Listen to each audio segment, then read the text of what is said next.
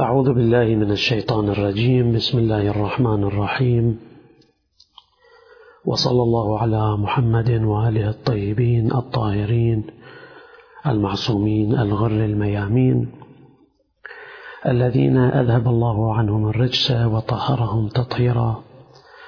لا سيما الحجة بن الحسن المهدي أرواحنا له الفداء.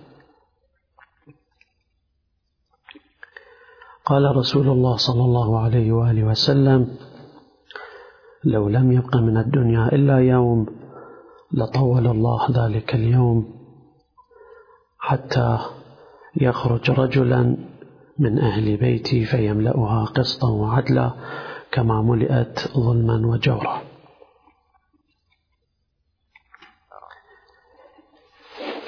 في الكافي عن أبي عبد الله عليه السلام قال خرج النبي صلى الله عليه وآله وسلم ذات يوم وهو مستبشر يضحك سرورا. فقال له الناس أضحك الله سنك يا رسول الله. وزادك سرورا. فقال رسول الله صلى الله عليه وآله إنه ليس من يوم ولا ليلة إلا ولي فيهما تحفة من الله. ألا وإن ربي أتحفني في يومي هذا بتحفة لم يتحفني بمثلها فيما مضى. إن جبرائيل أتاني فأقرأني من ربي السلام وقال يا محمد إن الله عز وجل اختار من بني هاشم سبعة لم يخلق مثلهم في من مضى. ولا يخلق مثلهم في من بقي أنت يا رسول الله سيد النبيين وعلي بن أبي طالب وصيك سيد الوصيين والحسن والحسين سبطاك سيدا الأسباط وحمزة عمك سيد الشهداء. وجعفر ابن عمك الطيار في الجنة يطير مع الملائكة حيث يشاء. ومنكم القائم يصلي عيسى ابن مريم خلفه إذا أهبطه الله إلى الأرض. ومن ذرية علي وفاطمة من ولد الحسين عليه السلام بالتحديد.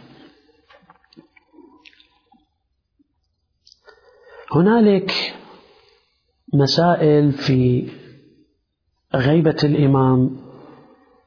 سرت هذه السيرة وهذه سنة الأنبياء والأولياء والأوصياء. في سنن من قبلنا جرت من قرون ولعله من آلاف الأعوام. من الأنبياء والأوصياء من قبلنا. وليست هي مسألة غيبة الإمام هي وقعت فقط في المهدي عليه السلام وإنما هي وقعت في السنن السالفة في الأنبياء في الأوصياء. هنالك النبي صلى الله عليه وآله وسلم ألفت كلام يتكلم في هذا المجال ويربط صلى الله عليه وآله وسلم غيبة الإمام المهدي عليه السلام بالأنبياء والأوصياء الذين كانوا قبله عليهم جميعا صلوات الله والسلام التام. هنالك النبي صلى الله عليه وآله وسلم يقول تحذو أمتي حذو بني إسرائيل. يعني مثل بني إسرائيل ومثل قبلهم. حذو النعل بالنعل والقذة بالقذة يعني هذا فد مثل يعني بالتساوي مثل ما مشوا أنتم أيضا رحتوا تمشون على نفس السيرة. والقذة بالقذة وكيف يستبعد ما جرت به السن السنة الإلهية؟ ما جرت به وأجراه الله تعالى في أنبيائه وغيبتهم عن أعدائه أي أعداء الله يعني أخفى الأنبياء والأوصياء عن الأعداء. وإظهارهم بعد الغيبة آه، لأوليائه. إما علموا أن الله تعالى أخفى شخص إبراهيم. الله سبحانه وتعالى حتى إبراهيم النبي أيضا أخفاه عليه السلام. وولادة النبي إبراهيم في زمن نمرود كان يقتل أولاد رعيته في طلبه. فلما علم الله سبحانه وتعالى حصول المصلحة في إظهاره أي إظهار إبراهيم أظهره الله تعالى كما هو المشهور في قصته ثم أنجاه من النار بقدرته. يعني خرج إبراهيم بعد فترة بعد كذا بعد ما ألقوا النبي في النار كذا قضايا مشهورة معروفة نختصر فيها. هنالك أيضا كذلك موسى عليه السلام وحكايته مشهورة وفي القرآن المجيد مذكورة. وكذلك يوسف على نبينا وآله وعليه السلام. مع قرب موضعه من أبيه وظهوره بعد خفائه أو خفاءه وكذلك إدريس عليه السلام نبي الله إدريس. فإنه أول من غاب من أيدي الكفرة كما في الروايات الواردة. إدريس أول من غاب من أيدي الكفرة الملحدين ودعا على قومه ألا تمطر عليهم السماء. فمكثوا عشرين سنة حتى هلكوا جوعا وسغبة ثم ظهر عليهم وقد أخذ منهم الجهد ما أخذه فتابوا وأقلعوا يعني تابوا من أعمالهم فدعا الله لهم فأمطرت السماء عليهم فغضبوا فالله سبحانه وتعالى بهذه الأمطار النباتات الخضار الأعشاب النباتات رجعت ورجعت وعادت الحياة كما كانت.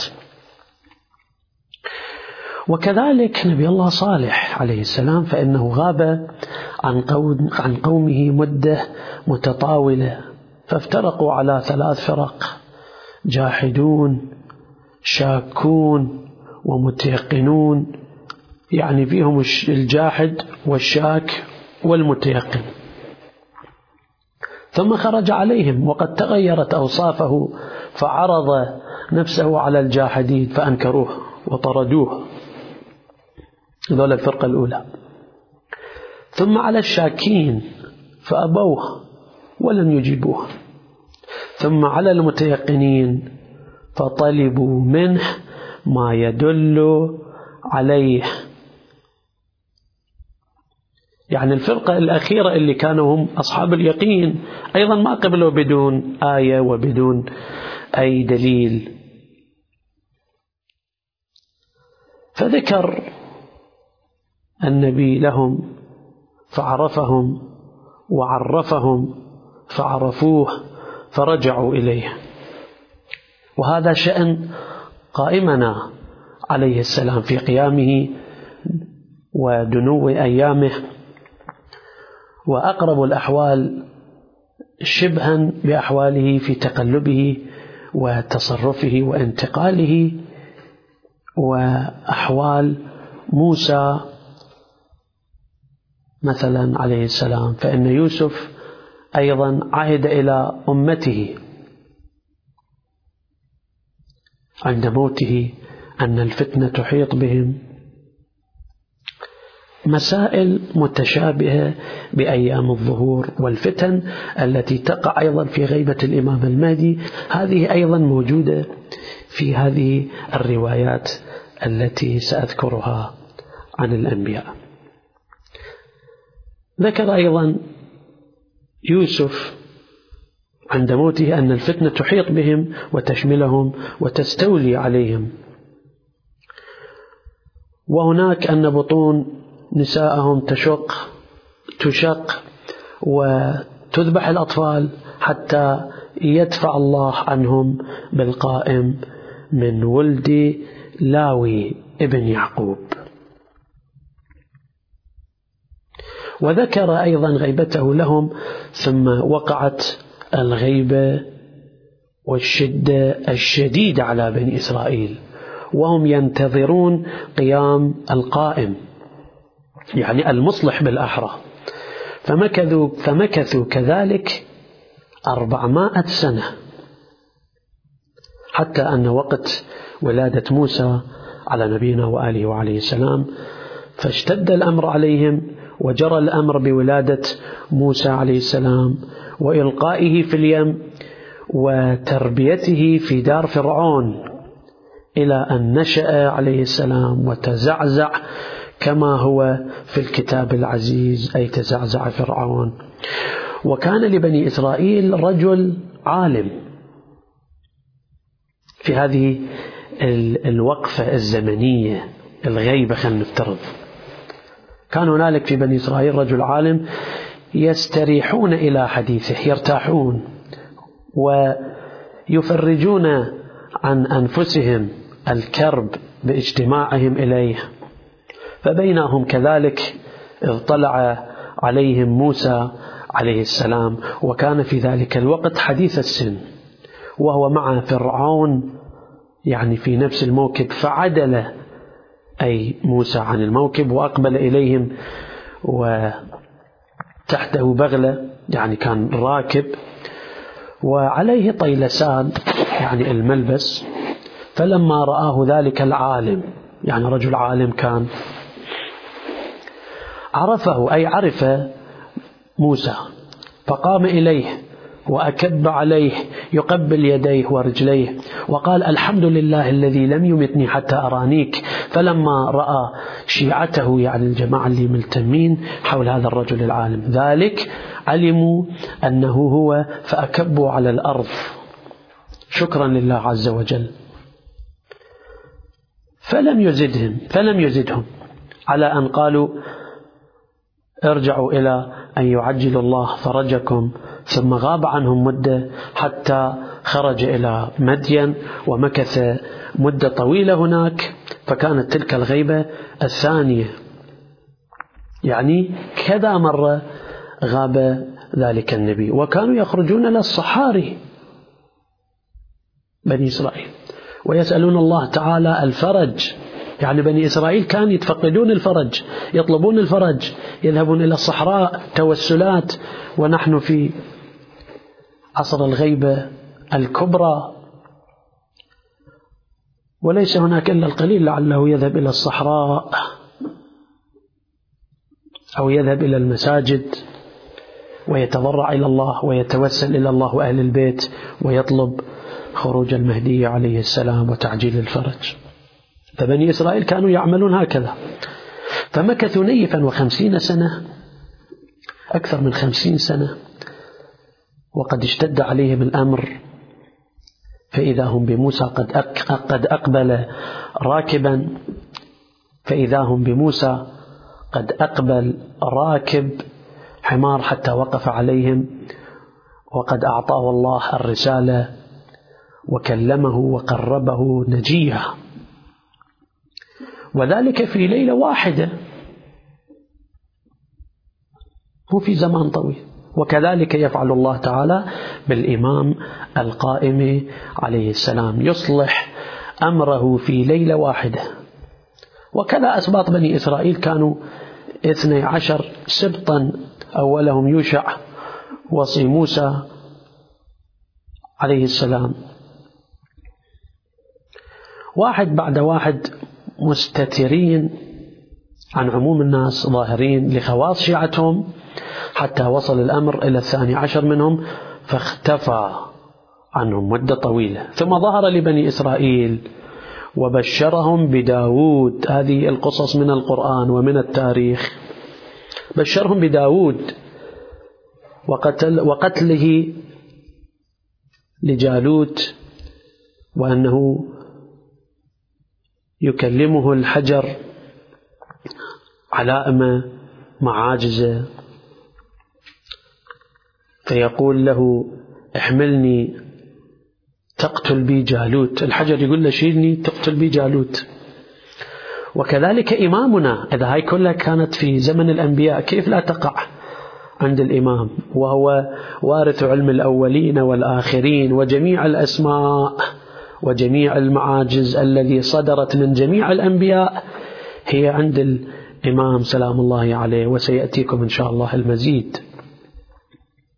إذا حان وقت خروجه له علم ينشر والسيف أيضا يصلت أو ينصلت بالأحرى وينطقان حتى سلاح ذلك النبي ينطق. ويقولان قم يا ولي الله فاقتل أعداء الله. هذه كلها من معاجز الأنبياء. ما نستغرب بالنسبة للأنبياء. الحجر يتكلم السيف يتكلم.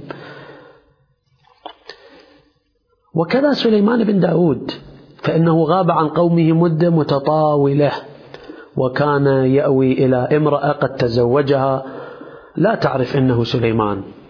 يعني كان نبي وكان كذا ولكن فترة بحكمة أنه اختفى سليمان عليه السلام. وكان يخرج في من يعمل في البحر مع الصيادين. يعني كلش كان ماكو النبي اللي عنده آيات عنده كذا يخرج مع الصيادين ويعمل وهو متزوج. فخرج يوما على عادته فأخذ سمكة بأجرة يعني اشتراها. وفي روايات أخرى شكل ثاني منقولة فشق بطنها فإذا الخاتم الخاتم أحنا نقول المحبس. الخاتم افتقد في قضية طويلة فرجع إنسان عادي. الاسم الأعظم والاسم الكذا اللي الله سبحانه وتعالى ملك سليمان كان مهيئ له إياه كلها كانت في خاتم. والخاتم افتقد سليمان. فرجع إنسان عادي. مو عن النبوة لا لا عن بعض الإمكانات أو الإمكانيات والعظمة والأبوة اللي الله سبحانه وتعالى كان معطيها لسليمان ابن داود على نبينا وآله وعليهما السلام. كانت هذه الآية في خاتم فافتقد الخاتم فراحت الأمور والمسخرات. فهنا في الرواية أنه آه، شق بطن السمكة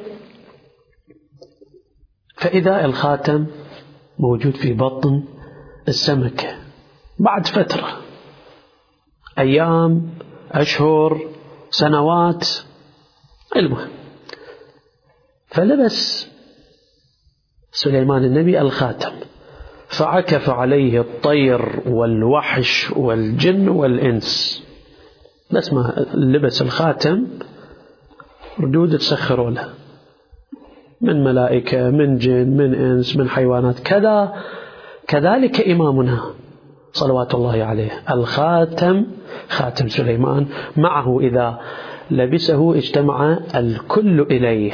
خاتم سليمان عند الإمام المهدي عليه السلام. وآصف وصي سليمان كان في بني إسرائيل وغاب عنهم مدة طويلة. لما كان يلقاه من المحن من جبابرة زمانه ثم ظهر لهم ثم غاب عنهم. فقالوا أين الملتقى؟ فقال على الصراط. وكذا دانيال. دانيال كان بخت نصر السلطان أيام زمانه كان يعذبه بأنواع العذاب. الله سبحانه وتعالى غيبه. أو غيبه السلطان. الجاب الجبار فأخذه السلطان بخت نصر وألقاه في جب مكث فيه تسعين سنة على حسب الرواية. الله سبحانه وتعالى كان يبعث له الرزق على يد ملك من ملائكته. ثم رأى بخت نصر الملائكة في عالم الرؤيا تهبط على الجب أفواجا. فخاف من فارطه من عمله خاف أنه شو مسوي. فأخرجه أي دانيال. بخت نصر أخرج دانيال. هاي كل قصص الأنبياء. توحيلك كلها مقدمات للإمام المهدي. وليس المهدي فقط كان من عجائبه عليه السلام. يتصرف وينزل تنزل الملائكة والجن والحيوانات والطير. وبالنتيجة البعض أنه يقول نعم يتصرف في ذرات الكون. الكون كله من أجل الإمام المهدي كيف لا يتصرف؟ المهم فأخرج بخت نصر دانيال وأظهره لأصحابه وجعله ناظرا في أمور مملكته وجمع إليه من نفي من شيعته اللي بعدهم اللي كذا جمعهم مردود. فلما مات أي دانيال وصى إلى عزير عزير قضيته معروفة. فغيبه الله مئة سنة. عزير اللي كان من بعد دانيال الله سبحانه وتعالى غيبه مئة سنة. ثم أظهره الله بعد ذلك فمكث في قومه إلى أن مات. ثم استترت الحجج. يعني لو كان مستمرين هالشكل كل يوم يقتل نبي كل يوم يقتل واحد. ما يبقى واحد على وجه الأرض. الله سبحانه وتعالى أخفاه. وهكذا الإمام لو كانت الدنيا بخير. يعني لو كان الإمام في زماننا في حادث واحد مأساوي العشرات يموتون خلال لحظات بانفجار وبكذا. فلو كان الإمام سلام الله عليه دعنا عن العصمة والكذا والله سبحانه وتعالى يحفظه كمثل بسيط للمشاهد. لو كان الإمام يعرفون مكانه كان أيضا قتلة مأساوية كان كما قتل الذين من قبله من الأنبياء والأوصياء. ولكن الله سبحانه وتعالى أستر الحجج إلى أن أظهر زكريا بعده وابنه يحيى بشرا ومبشرا بعده أيضا بعيسى ثم إن عيسى ظهر. بعد أن أخفته مريم كما في الآية فانتبذت به مكانا قصيا وكان له غيبات يسيح فيها في الأرض ولا يعرف قومه أو ولا يعرف قومه. خبره إلى أن يظهر عليهم وأوصى إلى شمعون فلما مضى شمعون اشتدت عليهم البلوى فمكثوا مائتين وخمسين سنة مئتين وخمسين سنة بغير حجة ظاهرة. وفي هذه الفترة كانت غيبة سلمان الفارسي اللي هي كذا مذكورة بكل تفاصيله وجميلة وأنا أختصر. سلمان كان كان أيضا من العلماء من الأفاضل كان على يد علماء ذلك الوقت اللي واحد كان يوصي إلى الآخر قبل ظهور الإسلام. كان واحد من عندهم العباد اللي كان ما يقطع اتصاله بالله وبالأوصياء هو سلمان رضوان الله تعالى عليه. وكذا نبينا صلى الله عليه وآله. غاب عن قومه في الغار ثم ظهر بعد الاستتار ولم يزل كل واحد من الأنبياء عليهم السلام وأوصيائهم إما غائب مستور أو ظاهر مؤيد منصور وكذا الإمام عليه السلام. لابد بعد استتاره وغيبته من أن يأذن الله عز وجل في ظهوره ونصرته فيملأها عدلا وقسطا كما ملئت جورا وظلمة. هكذا الإمام سلام الله عليه سيظهر بكافة العلامات الموجودة والتي أشار إليها أهل البيت والنبي الأكرم والقرآن المجيد وسيرة الأنبياء والمرسلين قبل نبينا صلى الله عليه وآله وسلم. وألتقي بكم إلى حلقة أخرى إن شاء الله حول الإمام المهدي صلوات الله وسلامه عليه. أستودعكم الله جميعا ورحمة الله وبركاته.